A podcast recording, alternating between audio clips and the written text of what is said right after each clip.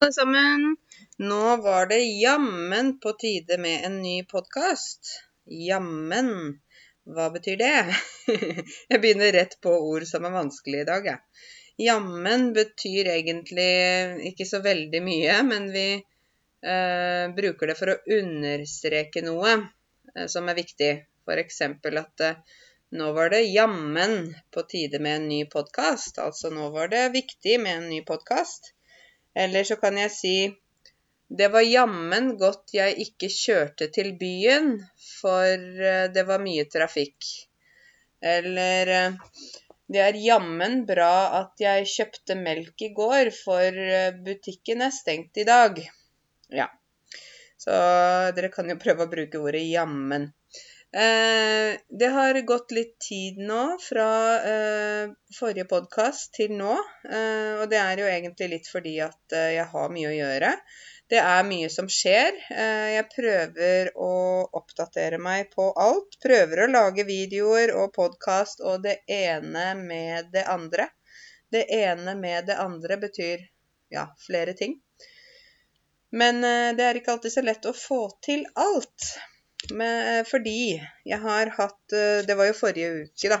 Så hadde jeg eh, kurs for lærere, men ikke, ikke sugestopedikurs, ikke kurs på swahili, men nå er det da 31 lærere og to, to forskere som skal ta etterutdanning i sugestopedi. Og det betyr at når man tar etterutdanning, da tar man da eh, mere utdanning. Så disse lærerne de skal bli sugestopedilærere, men de må først gå på en utdanning. Og den er det jeg og min kollega Lisa som holder. Vi holder en utdanning, sier vi. Vi har, eller vi holder en utdanning. Og så uh, håper vi da etter hvert at um, alle disse lærerne skal gå gjennom fire samlinger og de må skrive oppgaver og sende til oss. Og vi har masse aktiviteter og sånn, så det er mye for dem å lære. For hvis man skal jobbe med sugestopedi, så uh, må man ta denne utdannelsen.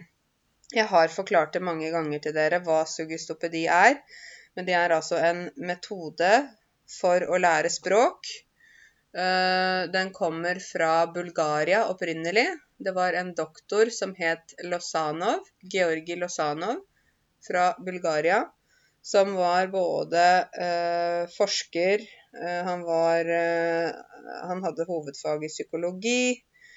Han hadde forsket mye på hjernen osv. Og, så og han fant ut at for å lære mye på kort tid, da må vi være litt utradisjonelle. Da hjelper det ikke å bare sitte med boka og grammatikk, vi må gjøre noe annet. Så i den metoden sugestopedi så er læreren i en rolle, og elevene, eller studentene, er også i en rolle. Det betyr at jeg som lærer er ikke karense når jeg er eh, i sugestopedi. Jeg eh, heter prinsesse Ragnhild i min rolle. Og da er jeg ikke lærer, jeg er da prinsesse. Og jeg forteller da om min familie. Eh, jeg er jo selvfølgelig søsteren til prinsesse Märtha og prins Haakon, kronprins Haakon. Og min mamma og pappa er da dronning Sonja og kong Harald. Dere forstår jo at dette ikke er sant, ikke sant? Dere forstår at dette ikke er sant, ikke sant? Uff, norsk er ikke så lett. um, Men, men, man gjør det for at hvis man er i en rolle, hvis man har litt sånn som teater, så glemmer man litt Å nei, nå gjør jeg feil. Var det riktig det jeg sa, eller var det feil? Uh, og i tillegg uh, så er jo alle elevene, alle studentene Jeg sier elever og studenter, man bruker det litt forskjellig, men ofte bruker man studenter om de som går på universitet og høyskole. Så jeg kan vel si kanskje elever. De eh, elevene tar også norske navn i sin rolle. Så når de er i et uh, klasserom der man underviser norsk i sugestopedi, så er alle elevene uh, norske. Sånn i fantasi, da. Så det betyr at hvis du egentlig heter uh, f.eks. Jeg vet ikke Camilla Sanchez, egentlig. Så heter du kanskje i denne gruppa heter du Kari Bakken, f.eks. Du tar et norsk navn. Og så lager du en ny identitet i klassen. Fantasiidentitet. Eh, du uh, finner uh, på hvor gammel du er, hvor du kommer fra i Norge. Ikke sant? Hva du jobber som. Det kan jo være noe annet enn det du egentlig jobber som. Eksempel, jeg er jo prinsesse, så jeg jobber ikke. så skjønner dere, når man er, lærer norsk på den måten der, så er det mye lettere å lære språket fordi man ikke er seg selv. Man er en annen person. Og man går inn i en rolle, og da er det lettere for folk å, å prøve å snakke norsk enn når man er seg selv. For når man er seg selv, dere er sikkert sånn mange av dere tenker 'Å, er det riktig det jeg sa?' Kanskje det ikke var riktig. Hm, nei, jeg tør ikke snakke. Kanskje noen tenker at jeg snakker rart, eller at jeg snakker feil. Så nei, jeg tror jeg bare dropper det. Det er det som skjer med mange, at man blir redd for å si feil. Man blir stressa. Man klarer ikke ha tempo når man snakker, for man tenker hele tiden om ting er riktig eller ikke. Ja, og så videre. Så jeg vil si at det er veldig viktig at uh, man klarer å ikke tenke så mye på om det er riktig eller galt. Det er mer viktig å åpne munnen og snakke.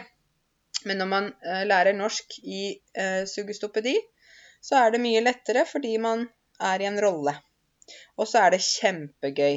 Jeg har jo hatt mange elever som jeg har hatt på kurs i sugestopedi, og de lærer veldig fort. Eh, jeg har en drøm om at jeg en dag kunne hatt et institutt eller en skole der jeg bare hadde sugestopedikurs for å lære norsk.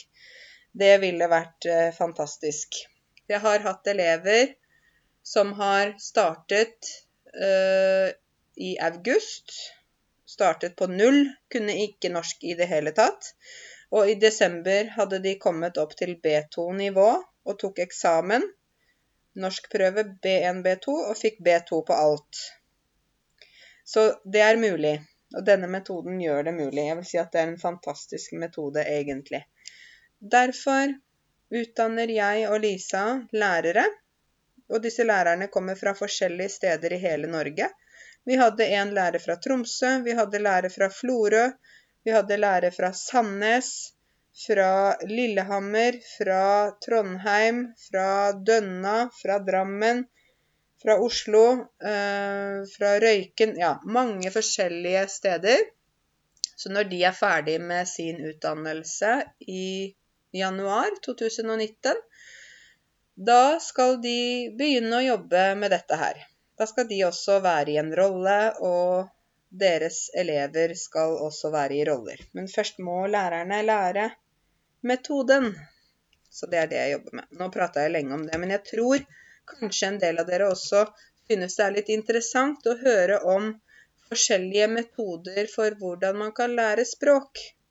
Jeg synes det er veldig mye tradisjonell undervisning i voksenopplæring og på disse privatskolene der det er norskkurs. Eh, jeg synes ikke at det er det beste Eh, det kan være fint med litt tradisjonell undervisning, men det kan fort bli kjedelig. Det kan fort bli sånn at man nesten sovner i klassen. Jeg er opptatt av eh, å gjøre undervisningen variert. At det er forskjellige ting vi gjør, ikke bare sitte og skrive og lese og skrive og lese og snakke ved pulten.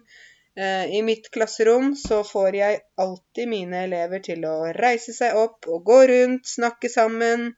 Av og til har jeg med noen ting som jeg forteller om. Ja, jeg gjør veldig mye sånn variert, for da fungerer hjernen bedre. Da er man mer våken. Da er eh, det lettere å få noe nytt inn i hodet. Hvis man bare sitter og gjør det samme hver dag, så blir det veldig kjedelig. Og man blir ganske passiv.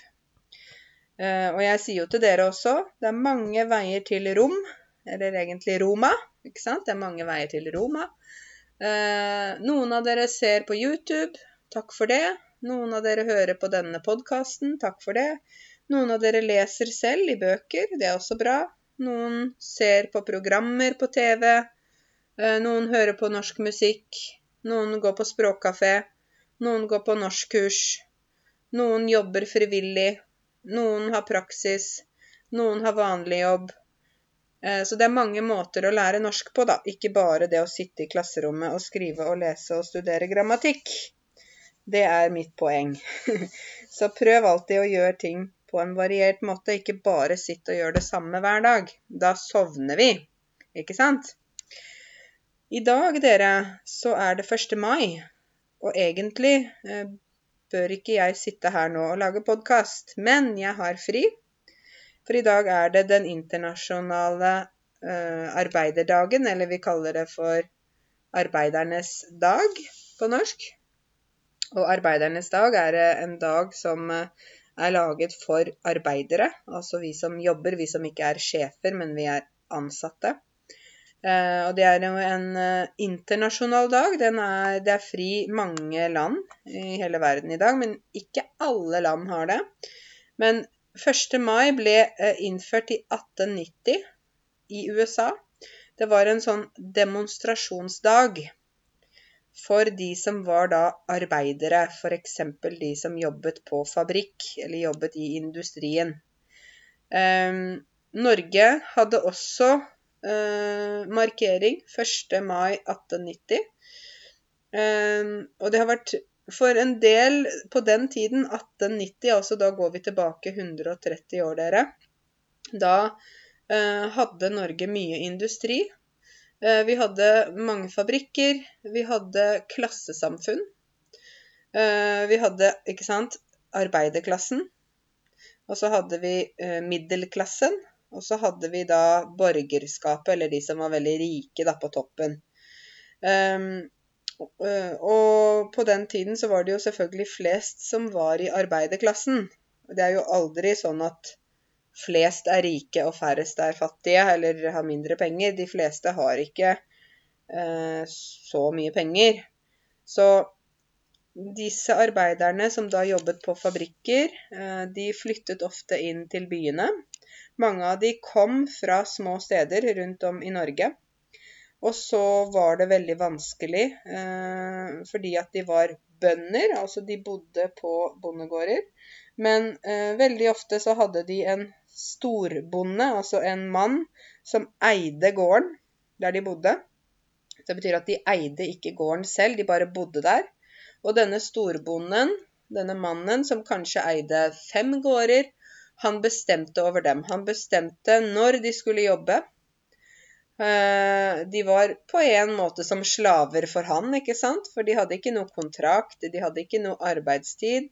Det de fikk, var eh, De fikk eh, et sted å bo. Og så fikk de kanskje mat, kanskje ikke. Og så måtte de jobbe for storbonden når han sa det. Og derfor var det mange som sa nei, jeg vil ikke leve sånn. Jeg vil reise inn til byen, og jeg vil jobbe på fabrikk. Jeg vil tjene mine egne penger. Da reiste mange inn til byene, og i byene, spesielt Oslo, så var det eh, allerede begynt å bli mye industri. Det var jo sånn ikke bare i Norge, altså. Eh, rundt om i verden. Så vi kaller jo dette for den industrielle revolusjonen. Da industrien kom. Det begynte jo med damplokomotiv, altså tog som gikk på damp, ikke sant. Og så begynte det å bli mer og mer industri eh, pga. at man brukte damp eller kull som en slags eh, motor. og etter hvert brukte man også vann, da. Man brukte vannkraft eh, fra elvene. Så ofte så lå jo fabrikkene ved elvene. Og i Oslo så var det jo mest fabrikker ved Akerselva. Akerselva er den, den elva som renner gjennom Oslo fra Kjelsås og helt ned til Grünerløkka, hvis jeg ikke tar helt feil. Ja. Og der var det mange fabrikker. Vi hadde tekstilfabrikker som lagde klær og tøy. Vi hadde uh, tømmerfabrikker der det var treproduksjon. Tre, altså de fikk trær inn som de kuttet opp for å da kunne lage hus, ikke sant. Uh, vi hadde spikerfabrikker Spiker er det med sånn liten metallting vi bruker når vi skal lage hus. Da må vi ha spiker, og så slår vi spikeren ned i treet med hammer. Ikke sant? Bam, bam, bam, bam slår vi spikeren inn. Vi hadde fyrstikkfabrikker. Og fyrstikk er jo det man bruk, brukte før for å tenne lys eller bål for å få uh, flamme, varme. Fyrstikk. Uh, I dag bruker vi lighter. De som røyker sigaretter f.eks., bruker ofte lighter i dag. Men før brukte man fyrstikker. Og da hadde vi fyrstikkfabrikker.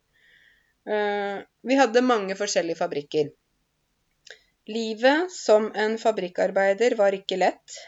Um, de bodde ofte veldig trangt.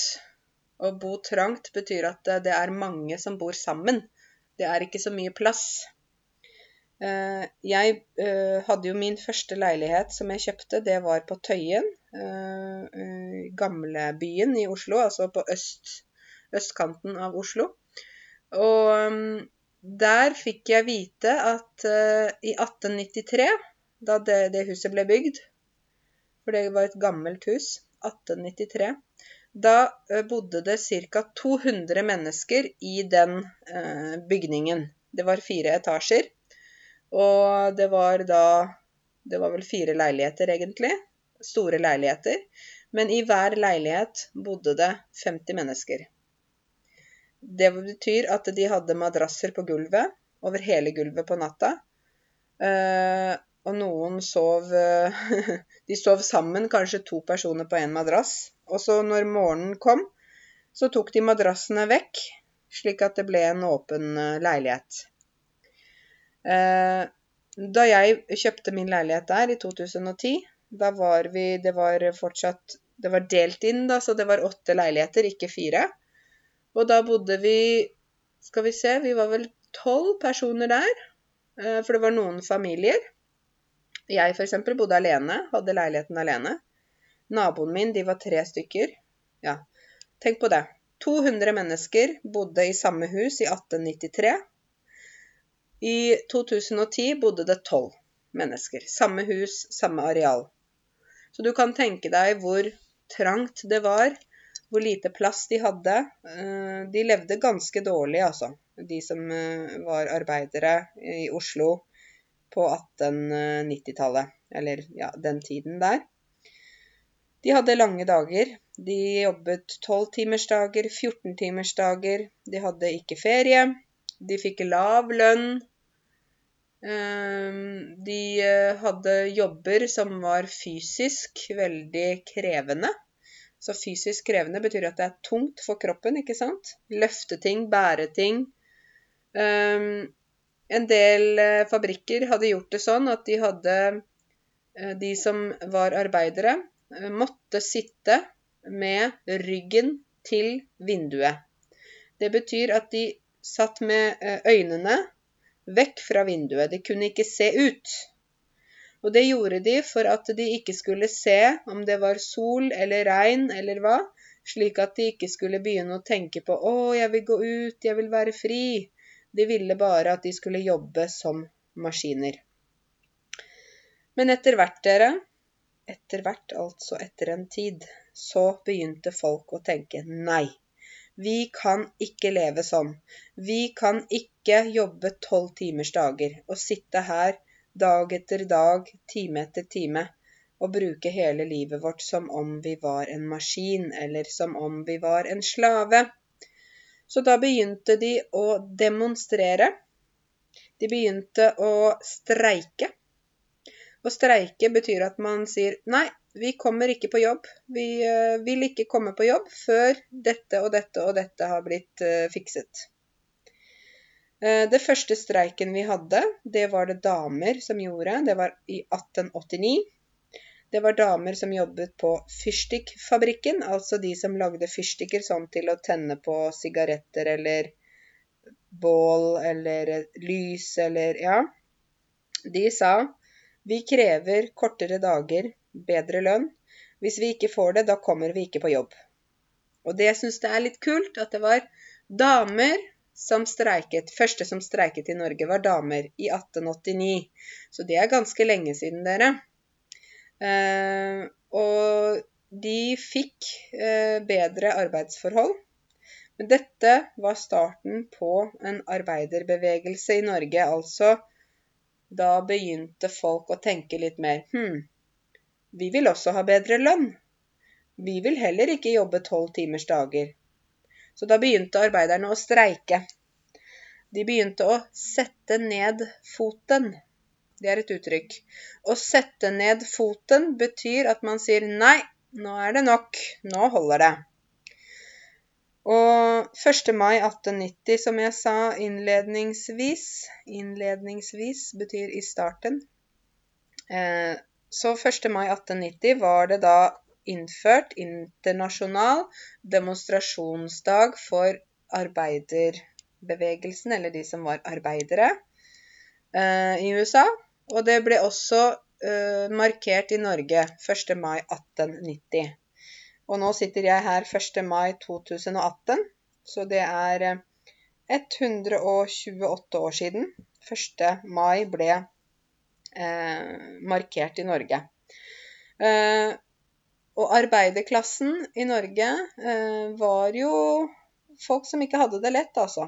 Det var jo også slik at en del Eh, mennesker på den tiden, en del fattige folk, sa nei, vi vil ikke bo i Norge, vi vil reise til Amerika. Det var eh, veldig mange som reiste til Amerika eh, i Norge. Eh, det, da hadde vi utvandring. Ikke sant? Det var, det var ikke bare én, det var veldig mange. De reiste fra hele Norge. Fordi de hadde hørt at hvis du reiser til Amerika eller USA, da vil du få land du kan begynne å bygge ditt liv. Du kan lage deg bondegård. Du kan eh, starte et nytt liv i Amerika. OK? Så da var det mange som gjorde det. Eh, og de eh, startet et nytt liv. Vi sier at det var ca. 800 000 nordmenn. Nesten en million. Som, som, reiste til Amerika, eller USA på den tiden sa de Amerika på 1800-tallet. Tenk deg det. Og det var fordi det var så vanskelig liv i Norge. Dere vet, Norge er et kaldt land. Eh, her har vi ikke tilgang på eh, mat på en lett måte.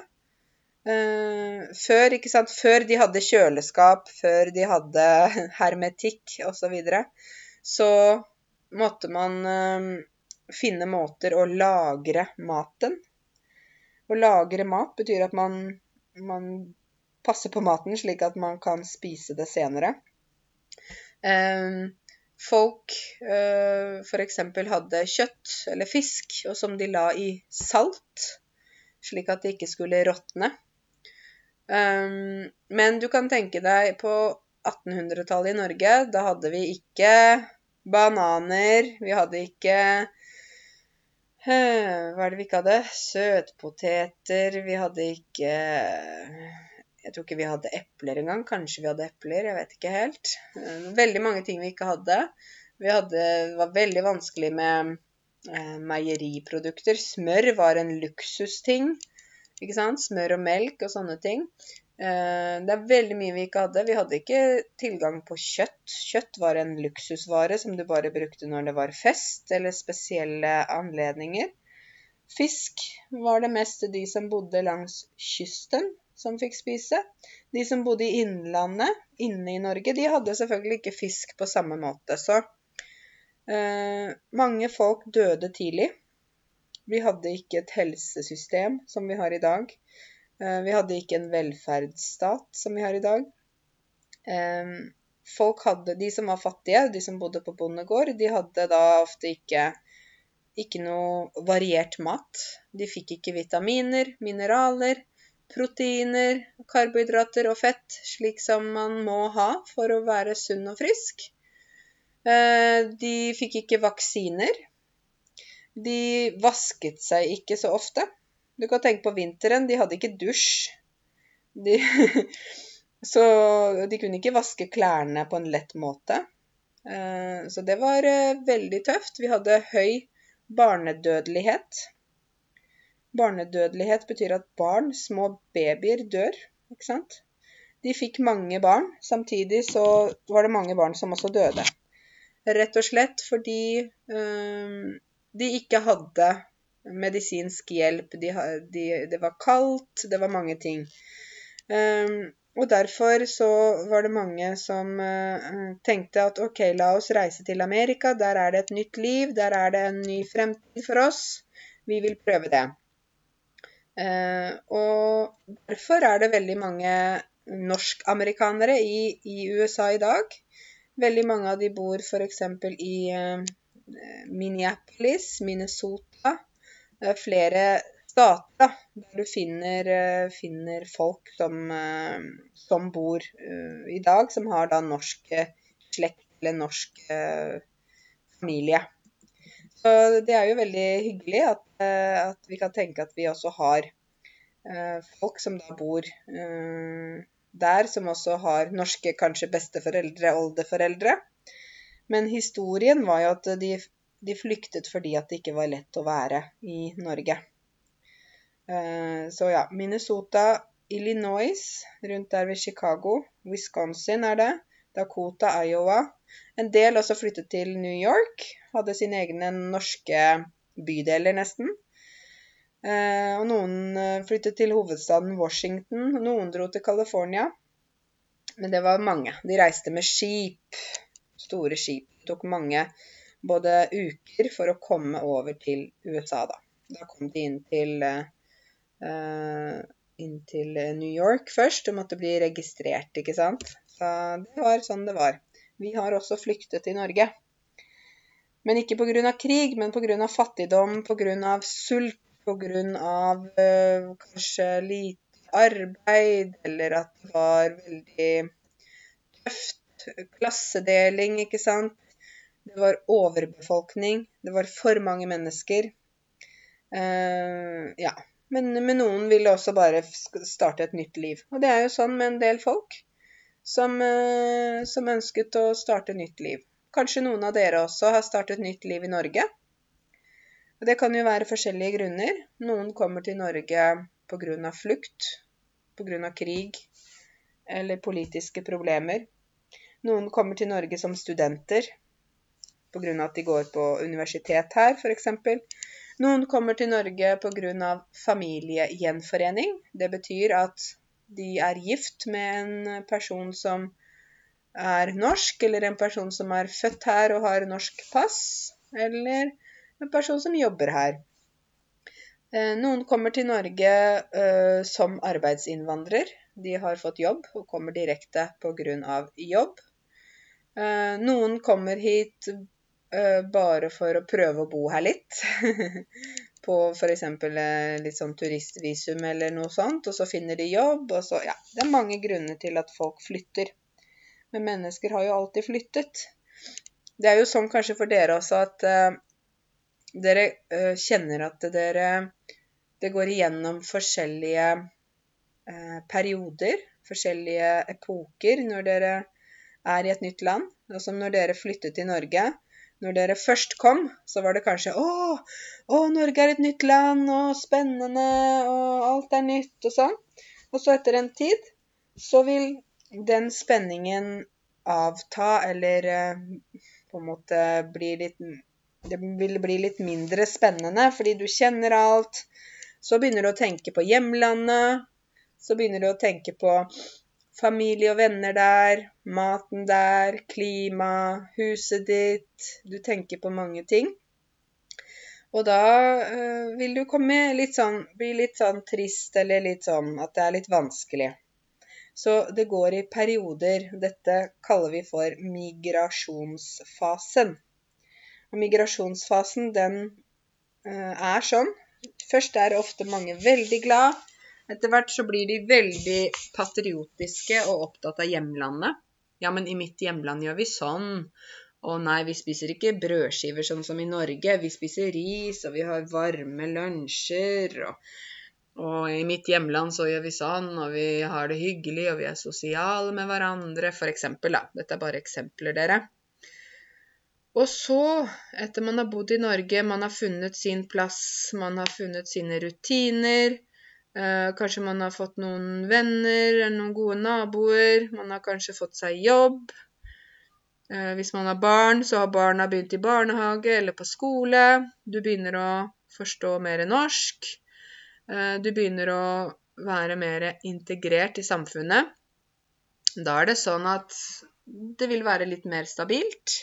Det vil ikke være sånn kjempe å, alt er så bra, eller sånn veldig ned. Å nei, uff, Norge er dårlig, og huff a meg. Det vil være litt mer stabilt. Uh, og når man da reiser til hjemlandet, hvis man kan gjøre det, da vil man se hjemlandet med litt nye øyne. Det som før var bra, eller normalt, vil kanskje være annerledes nå. Kanskje du er mer kritisk til hjemlandet ditt. Kanskje du blir litt forvirret. Hm, Norge, hjemlandet, Norge, hjemlandet. Eh, dine venner som du alltid har kjent, vil kanskje De vil snakke om det samme, men du har fått et nytt blikk. Du har nye ideer om ting. Du vet mer om, det, om Norge. Du har noe du kan sammenligne med. Du ser ting på en annen måte. Og det er jo noe som eh, på en måte Jeg tenker det er noe som preger eh, situasjonen vår. Det vil Det at du har vært i et nytt land og bodd i et nytt land, eh, om du så flytter tilbake, så vil dette nye landet alltid være med deg. Så hvis du f.eks. flytter hjem igjen, flytter fra Norge og tilbake til hjemlandet, så vil du aldri helt bli den samme. Fordi du har bodd i et nytt land, du har sett nye ting, du har levd i et nytt system. Det har blitt en del av deg, uansett om du vil eller ikke. Fordi du har ny kunnskap. Så det f.eks. at jeg studerte i Canada da jeg var 18 år, det er alltid med meg. I kroppen min, i hjertet mitt, i hodet mitt. På godt og på vondt. Det som var godt fra Canada, har jeg tatt med meg. Det som var vondt, har jeg tatt med meg. Det var ikke så veldig vondt, jeg var jo ung og jeg bare studerte, men, men det er med meg som en person. Jeg blir aldri den samme uh, karense som jeg var før jeg reiste til Canada, som etter jeg reiste til Canada. Deretter, da jeg bodde på Zanzibar i Afrika, så vil det også bli en del av meg, ikke sant? Uh, jeg, jeg har fått et nytt syn på livet og på verden også etter at jeg bodde der. Uh, og selv om jeg er glad i Norge og sånn, så se, kan jeg også klare å se på Norge med et kritisk blikk. Ikke bare si 'Å, Norge er det beste landet i verden', og 'her er alt så fint', og 'vi har demokrati', og 'vi har eh, velferdsstat', og 'alt er så fint', og sånn. Nei, jeg har også et kritisk blikk på Norge. Jeg kan også si at nei, i Norge f.eks. så er det vanskelig å få venner. Det er vanskelig å være sosialt. Um, det er kaldt her. Ikke sant? Jeg, har, jeg, kan se begge sider. Og det synes jeg er en stor gave. Så for dere også, når dere har bodd i Norge, om dere flytter tilbake eller om dere fortsetter å bo her, så vil dere aldri bli helt den samme igjen. På en god måte. Dere vil uh, være mer informert, mer åpen, vet mer, kan mer, ikke sant? Nå må jeg bare drikke litt kaffe mellom meg, for nå prater jeg så mye. Dette er jeg veldig interessert i og engasjert i, fordi det vi gjør i livet vårt, det former oss. Forme betyr at det, hvis jeg en hvis jeg, en, hvis jeg skal lage boller, dere vet rosinboller, så har jeg i hånda mi deig. Så skal jeg lage en bolle, så må jeg bruke hendene for å forme den til en rund bolle. Det samme er når vi er et nytt land, så har vi livet i hendene våre, og så må vi forme livet vårt. Ikke sant? Vi former livet med hendene, vi former livet med det vi gjør, der vi går, de vi kjenner. Så vi former vårt eget liv, egentlig. Vi lager vår egen historie, vårt eget eh, system. Men jeg syns det er veldig viktig at vi aldri glemmer der vi kommer fra. Det er viktig å ha med oss der vi kommer fra. Det er en del av oss. Det er, det er um, opprinnelsen vår, det er der hjertet vårt ligger. Samtidig kan vi bli rikere i forhold til at vi eh, bor i et nytt land. Da mener jeg ikke rikere som i penger, ikke sant? Jeg mener rikere sånn kunnskapsmessig eller um, kulturmessig eller uh, Ja. Så jeg synes det er en stor gave at jeg har fått bo i utlandet. For jeg er også veldig takknemlig for det vi har i Norge. Før, før jeg flyttet uh, til Canada og flyttet til Zanzibar, så spesielt etter jeg kom tilbake fra Zanzibar, så har jeg blitt veldig mye mer takknemlig for det jeg har. Å være takknemlig betyr at man eh, er glad for det man har. Man sier takk. Man setter pris på det man har. Eh, man eh, er opptatt av at Oi, se hva jeg har. Så heldig jeg er. Og jeg syns vi er veldig heldige som har demokrati i Norge. Vi har en velferdsstat, vi har trygghet, vi har frihet. Vi har fred, ikke sant? Mens før så var jeg ikke så opptatt av det. Jeg tenkte ikke så mye på det. Jeg tenkte selvfølgelig skal man ha trygghet. Selvfølgelig skal man ha fred. Selvfølgelig skal folk behandle hverandre med respekt. Men det har jeg Jeg har fått øynene opp for dette. Å få øynene opp for betyr at man ser, man er fokusert på noe. Så jeg synes vi er heldige, men jeg har, jeg har, både et kritisk blikk på Norge, samtidig er jeg takknemlig for det vi har her også. Jeg synes det er viktig. Um, så ja, 1. mai, dere. I dag feirer vi arbeidernes dag. Mange går i tog. Ikke 17. mai-tog, men um, 1. mai-tog. Uh, det er bra å jobbe i Norge. Vi har stort sett ganske bra forhold, rettigheter osv. Men man kan alltid bli bedre. Og da er det eh, 1. mai-tog i mange byer rundt om eh, i Norge i dag, også på noen små steder. Hvor de går med plakater og roper eh, 'lik lønn for likt arbeid', f.eks. Det har jo vært en sak lenge at menn fikk mer lønn enn kvinner for samme jobb. Ikke sant? Og det blir, det blir litt feil. Eller eh, Det har jo vært diskutert om det skal bli kortere arbeidsdager. Det er mange som vil det, at man ikke skal jobbe åtte timer, men seks timer. Fordi de mener at uh, hvis man jobber seks timer, så jobber man mer effektivt. Og man vil da uh, få den samme jobben gjort, men på kortere tid. Så har man mer fritid. Jeg tror de fleste av oss syns at det er kjempefint. man, man vil jo gjerne ha en kortere arbeidsdag. Men så er det noen som sier at nei, da vil vi ikke få gjort alt det vi skal, og da vil det bli vanskelig og sånn. Så dette er temaer som man tar opp da når det gjelder 1. mai. Um, nå er det jo sånn at vi har jo, vi har jo Arbeiderpartiet. Mange av dere sier feil. Dere sier Arbeidspartiet. Det heter ikke det. Det heter Arbeiderpartiet. Um, de har jo veldig lenge vært uh, det mest populære partiet. og De har sittet i regjering veldig mange perioder. Men nå har populariteten dalt. At populariteten har dalt, det betyr at populariteten har blitt mindre. De har blitt mindre populære enn hva de har vært på mange år. Og noe av dette her tror jeg kommer av uh, at vi kanskje ikke har den samme arbeiderklassen lenger som vi hadde før.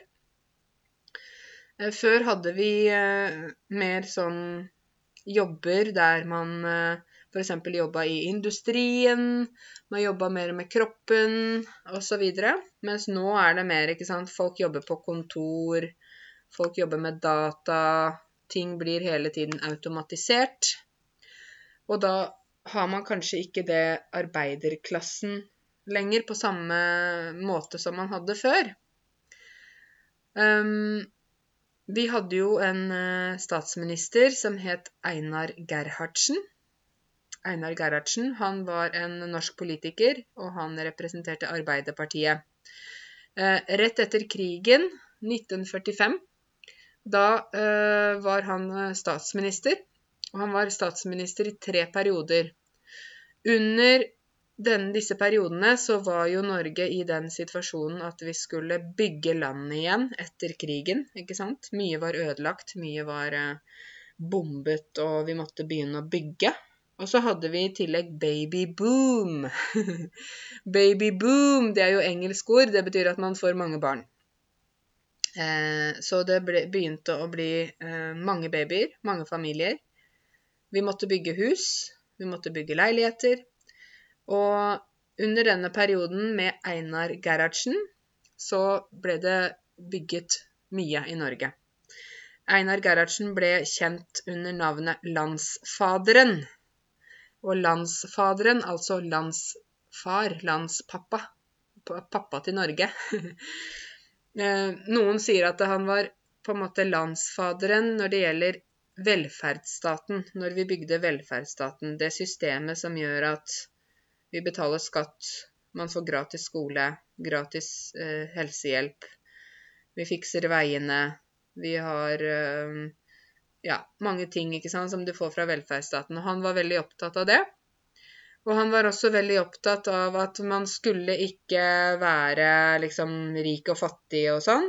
Han selv bodde i en veldig enkel leilighet med familien sin. Um, han bodde faktisk i Groruddalen, rundt eh, her jeg bor. Eh, for det var her de også bygde veldig mange blokker. For det var så mange familier som trengte leilighet, rett og slett. Og han var jo statsminister, men bodde i en veldig enkel bolig. Ikke noe sånn palass eller fint slott eller noe sånt. Så han var veldig eh, jordnær. Å være jordnær betyr at man eh, har kontakt med, med seg selv. man, man, eh, svever ikke opp i skyene, man har beina på bakken. Skjønner dere? Man er liksom man går ikke rundt og sier 'Å, jeg er statsminister', 'Å, jeg er best', 'Å, jeg vet alt'. Nei, man er, har, er jordnær, man har beina på bakken. Og um, den arbeiderklassen vi hadde på den tiden, da hadde vi ganske mye begynt å få industri, vi begynte å få en del ikke sant, sånne typer jobber. De jobbene finnes ikke i dag på samme måte. Veldig mange av fabrikkene våre er flyttet til utlandet. Mange har mistet jobbene sine de siste årene.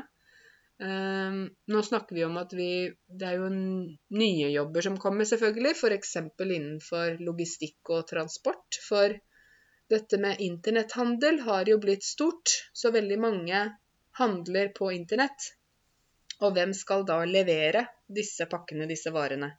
Det må jo være noen som gjør det. Man, man har ikke roboter eller droner som kommer fra himmelen med pakke på døra. I hvert fall ikke ennå. Så, men, men, derfor kan jo være noe av grunnen til at Arbeiderpartiet nå er litt mindre populært parti, fordi at folk ikke er arbeidere på samme måte da, eh, som, som de var før.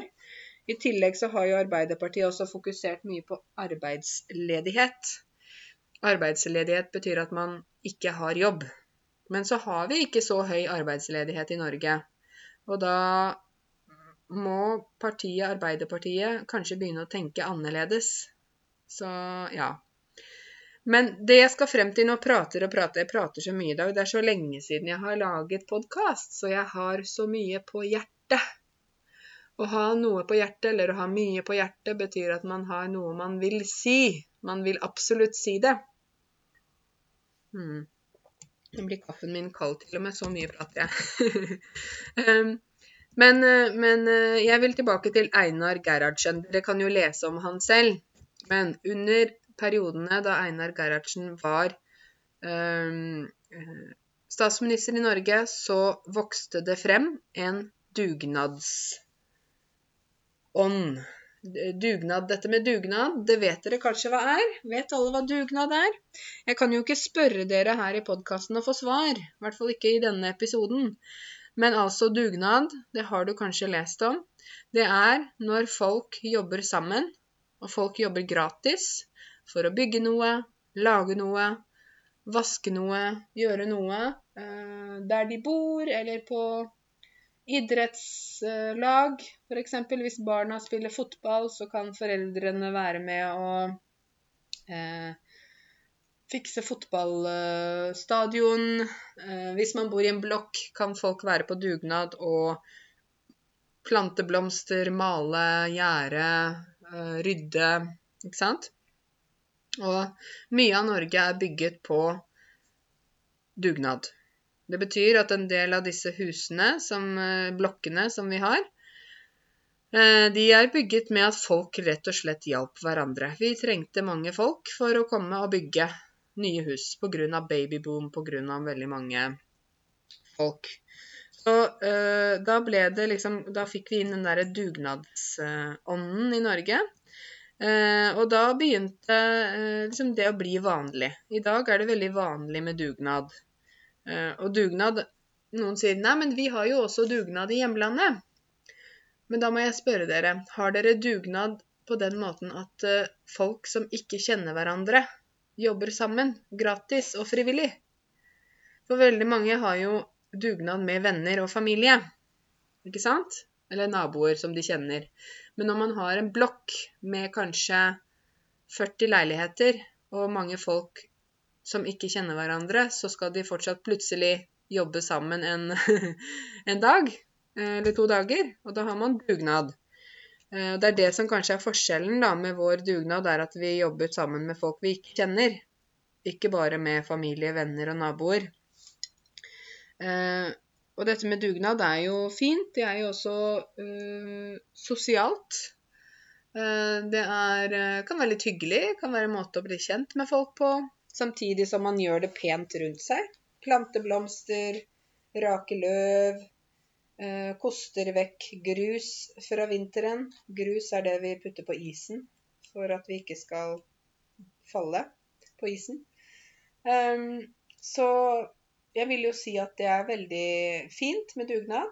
Jeg har også hatt dugnad uh, der jeg bor. Jeg bor uh, i et uh, hus, men det deler jeg med noen naboer. Og det er også en butikk der jeg bor. Så vi har dugnad nå. Vi har uh, plantet blomster. Vi har malt et gjerde. Malt med hvit maling. Vi har plantet litt noen planter rundt omkring. Vi har ryddet, kastet søppel, raka løv. Blader, ikke sant, som falt ned på bakken på høsten, har vi fjernet. Og gjort det fint. Spesielt har man dugnad før 17. mai. Det er veldig vanlig. Eh, så nå ser det fint ut her. Og jeg syns det er hyggelig med dugnad. Eh, det er jo viktig å bli med på dugnad. Hvis du bor i en blokk eller et sted der det står 'dugnad', og så står det f.eks. 'dugnad' eh, onsdag 5. mai klokka 6 til 8, da bør du komme. Hvis du ikke kommer, og hvis du bare er hjemme og slapper av, da kan det hende at folk blir irriterte på deg. Så du må komme når det er dugnad. Du bare må komme. Men det kan jo være en fin måte å bli kjent med folk på. Det samme gjelder dugnad hvis du har barn som spiller fotball eller eh, driver med noe. Eller hvis du har barn i barnehage, kan det være dugnad i barnehagen. Ja, mye forskjellige eh, aktiviteter. Mange forskjellige aktiviteter. Mye og mange, dere. Eh, ganske ofte sier vi nordmenn også feil. Mye aktiviteter, sa jeg nå, og det er feil. Jeg skal si mange aktiviteter, for vi kan jo telle de. Én, to, tre. Men eh, hvis du hører på nordmenn når de snakker, så er det veldig ofte at de bruker mye og mange feil. For eksempel eh, Veldig ofte sier vi mye når vi egentlig skal si mange. For eksempel, det er mye biler på parkeringsplassen. Det er feil, ikke sant? Vi skal si mange. Uansett. Nok om det. Jeg, har, eh, jeg skravler i dag. Skravle. Jeg prater mye. Bla, bla, bla, bla, bla, bla. bla. Du får jo bare stoppe podkasten hvis du syns det blir kjedelig. Eller så kan du fortsette igjen en annen dag, ikke sant. Um, jeg har faktisk også Jeg må fortelle litt mer om dugnad, selv om det kanskje ikke er så spennende. Jeg var også på dugnad forrige lørdag hos min venninne Mari. Hun heter Mari. Hun har øh, overtatt hun har overtatt huset etter sin far. Å overta et hus betyr at man arver et hus. Det betyr at man får et hus av foreldrene eller av noen i familien når de dør. Pappaen til Mari døde i eh, september. Og hun har overtatt huset nå. Hun har arvet huset. Eh, men selvfølgelig så er jo det et hus der eh, hennes pappa har bodd i mange år. Et veldig stort hus. Eh, han bodde der sammen med mammaen til Marit, og Mari har vokst opp der også. Eh, de var fire barn, men hun har jo ikke bodd der siden hun selv var barn eller ungdom. Så da er det en stor jobb å gjøre. Hun har da dette huset som hun skal pusse opp. Pusse opp betyr at man maler og liksom lager uh, litt ny, ny, fresh start. Og så er det en veldig stor hage. Vi sier det er tre mål. Tomta er på tre mål. En tomt er da det området rundt huset. Eller der man Ja, Eh, hage og skog og sånn. Tomt. Tre mål tomt. Så det er veldig stor hage. Som en fotballbane. For dette huset ligger inne i skogen. Eller ikke helt inne i skogen, men nesten.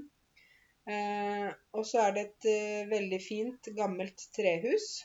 Men det er jo veldig stort. Og Mari bor alene. Eh, så hun skal lage en hybel i dette huset.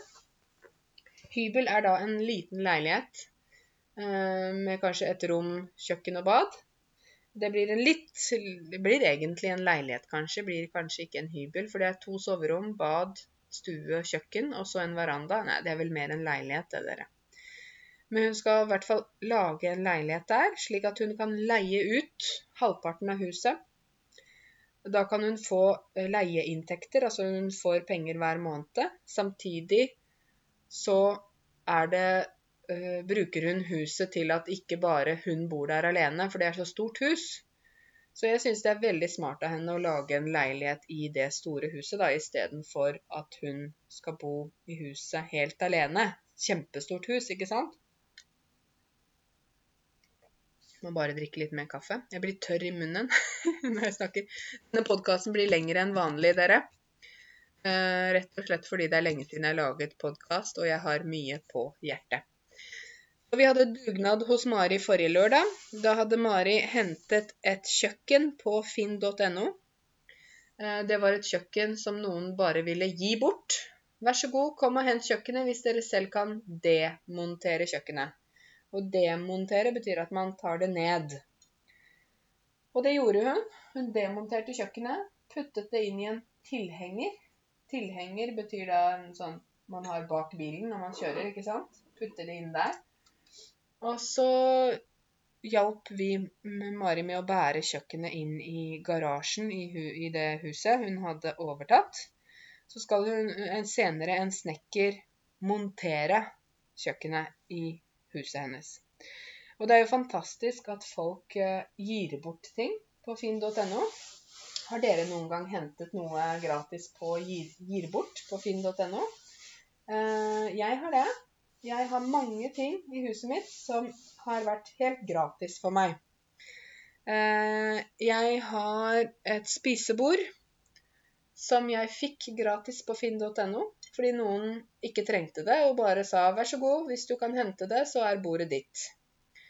Jeg har to gamle lenestoler, eh, veldig fine, som noen sa nei, vi vil ikke ha disse gamle stolene. Jeg liker gamle ting, så jeg ville gjerne ha stolene. Jeg har en gammel grønn sofa. Veldig gammel, den er 100 år, tror jeg. En antikk sofa med to grønne stoler. Det er ikke den sofaen jeg sitter og ser på TV i, men den, den uh, står under trappa her. Den er veldig fin. Uh, hva mer har jeg? Jeg har uh, et speil nede i gangen. Et fint, gammelt speil som jeg fikk gratis på finn.no.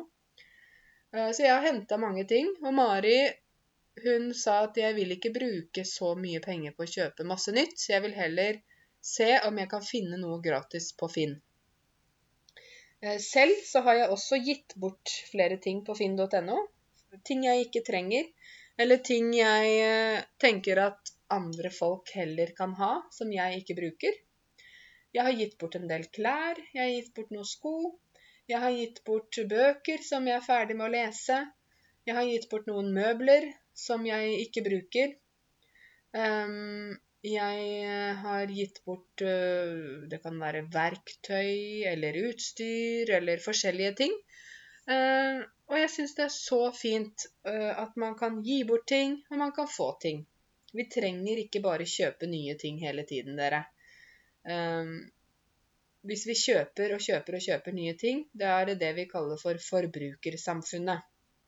Forbrukersamfunnet kjøper ting og kaster ting, og kjøper ting og kaster ting. Ikke sant? Og det blir forurensning av det. Vi blir eh, ikke bevisste på hva vi har. Vi bare kaster og kjøper og kaster og kjøper. Um, og det blir for mange ting overalt. Så det er veldig fint hvis man kan bytte ting. Man kan uh, gi ting og få ting. Jeg vet ikke om dere har gjort det, men se på finn.no på gis bort der du bor. Kan det være at du finner noen ting som du trenger, eller som du ønsker å ha. Um, jeg kom jo fra en familie der uh, vi var en ganske vanlig familie. Min mamma var frisør. Min pappa var ingeniør. Uh, vi er da to barn, meg og min søster Rebekka. Uh, vi bodde i et hus på landet. Vi hadde helt vanlig økonomi, men ikke noe sånn mere Vi hadde ikke mer penger. Vi hadde helt gjennomsnittlig økonomi. Og um, jeg har vokst opp med den mentaliteten om at vi må gjøre ting selv. Uh, vi må betale for ting selv. Ingenting kommer gratis. Vi må jobbe for ting. Vi må svette for ting. Um, da jeg var 13 år, så begynte mine foreldre å si til meg at Karense, nå må du finne deg ekstrajobb, sommerjobb. For du må lære å jobbe. Du må lære å tjene dine egne penger. Du kan ikke bare tenke at mamma og pappa skal gi deg alt. Du må klare å forsørge deg selv, klare å kjøpe noen ting selv. Så da begynte jeg med sommerjobber. Jeg har fortalt om hva jeg har gjort før i andre podkaster. Men poenget mitt er at jeg er ikke noe sånn fin på ting.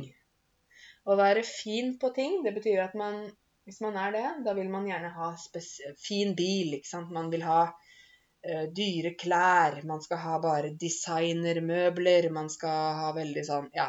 Jeg er ikke noe fin på ting. Jeg er ikke opptatt av merker. Jeg er ikke opptatt av f.eks. merker, da. Gucci, Prada, Nike At det skal være merker på møbler og biler og Ja, det er ikke viktig for meg. For meg så er det viktig at ting er funksjonelt. Um, og at eh, ja, jeg har ikke noen problemer med å f.eks. gjøre ting selv. Um, hvis jeg rydder, hvis jeg vasker, hvis jeg rydder i hagen, uh, sånn, så gjør jeg det selv. Når jeg har uh, bil uh, og skal bytte dekk fra vinter til sommer, da bytter jeg dekkene selv. Så det er, for meg er det helt vanlig. Men det har mye å gjøre med at jeg kommer fra en familie der de måtte gjøre ting selv. Og det er jeg veldig glad for, for jeg ser i dag også at jeg fortsetter å gjøre ting selv. Jeg har nå min egen bedrift, f.eks., min eget firma, der jeg gjør ting selv. jeg sier jo ikke at det er noe problem å få hjelp fra folk. Vi må jo hjelpe hverandre, men jeg syns det er fint også at man kan være selvstendig og klare livet uten å være avhengig av at andre skal gjøre ting for deg. Og spesielt som kvinne også syns jeg det er ekstra viktig. Så disse møblene som jeg har fått gratis på Finn, de har jeg vært og hentet selv. og så har jeg spurt naboen om å hjelpe meg eh, med å bære disse tingene opp, da. Opp trappa, for det er jo umulig å gjøre alene. Um, og denne uken har jeg gjort en del hagearbeid. Jeg har rakt løv, jeg har um, ja, rydda ute og rydda litt her og der. Uh, og så uh, har jeg gitt bort en del ting. Og så har jeg rydda med Tok vekk tunge ting og sånn som jeg hadde ute i boden. En bod det er et ekstra rom, kan du si, der du putter ting. Og da eh, hadde jeg mye søppel. Ting jeg ikke trenger. Ting jeg ikke kan gi bort til andre fordi det rett og slett bare er søppel. Og da gikk jeg også på finn.no og gikk jeg inn på småjobber. Man kan legge inn småjobber, og da kan man eh, skrive at uh, jeg vil at noen kommer og henter denne søpla her. og kjører vekk for meg. Da skal dere få penger. Og da hadde jeg masse søppel, masse møbler som var ødelagte, og store esker og ja. Så da satte jeg ut på finn.no småjobber. Og så skrev jeg uh, 'søppel hentes mot betaling'. Hentes, passiv form. Og da var det mange som ville hente søppelet. Og jeg betalte de 500 kroner for å kjøre bort, for det var ganske mye. Men det var en stor hjelp for meg. Og han som hentet søppelet, han var student. Og han hadde en stor bil. Så han sa dette er fantastisk, for nå kan jeg tjene litt penger på en lett måte, og samtidig får du hjelp fra meg med at søppelet blir borte. Så det var en vinn-vinn-situasjon. Så hvis dere har noen sånne småting som dere ønsker at noen skal gjøre, da kan dere sette ut det på finn.no. Det er veldig praktisk, egentlig. Uh, finn.no bruker vi jo til alt. Eh, som jeg sa, gi bort ting og få ting gratis. Selge ting, kjøpe ting. Kjøpe leilighet eller hus. Kjøpe, selge leilighet og hus. Kjøpe, selge bil. Eh, kjøpe billetter til eh, reise. Finne jobb. Eh, sette ut ting på småjobber, sånn som jeg nettopp fortalte om. Eh, det kan brukes til veldig mange ting, så det er en nyttig webside dersom man uh, trenger et eller annet. Jeg kan jo si jeg har kjøpt leiligheten min på finn.no. jeg har fått jobben min på finn.no. Jeg har uh, fått ting fra finn.no. Jeg har gitt bort ting på finn.no. Jeg har uh, solgt ting på finn.no og kjøpt ting der, så det er en portal man kan bruke til alt mulig, dere. Nå eh, tror jeg at jeg har snakka så mye at dere har fått vondt i ørene. Nå skal jeg avrunde. Avrunde betyr at man slutter litt rolig, ikke bare slutter med en gang. Eh, jeg håper at dere får en fin 1. mai i dag, og at dere tenker litt over de som har kjempet for oss for at vi skal ha denne fridagen. De som har hatt uh, tøft liv opp gjennom historien, men som har jobbet for det Norge vi har i dag. For det Norge vi har i dag, hadde vi ikke hatt dersom vi ikke hadde hatt folk som har kjempet for oss i, før i historien. Så jeg håper at dere får en fin 1. mai, og at dere koser dere, slapper av, tar det med ro. Og så høres vi snart og ses på YouTube, ikke sant? Så god 1. mai.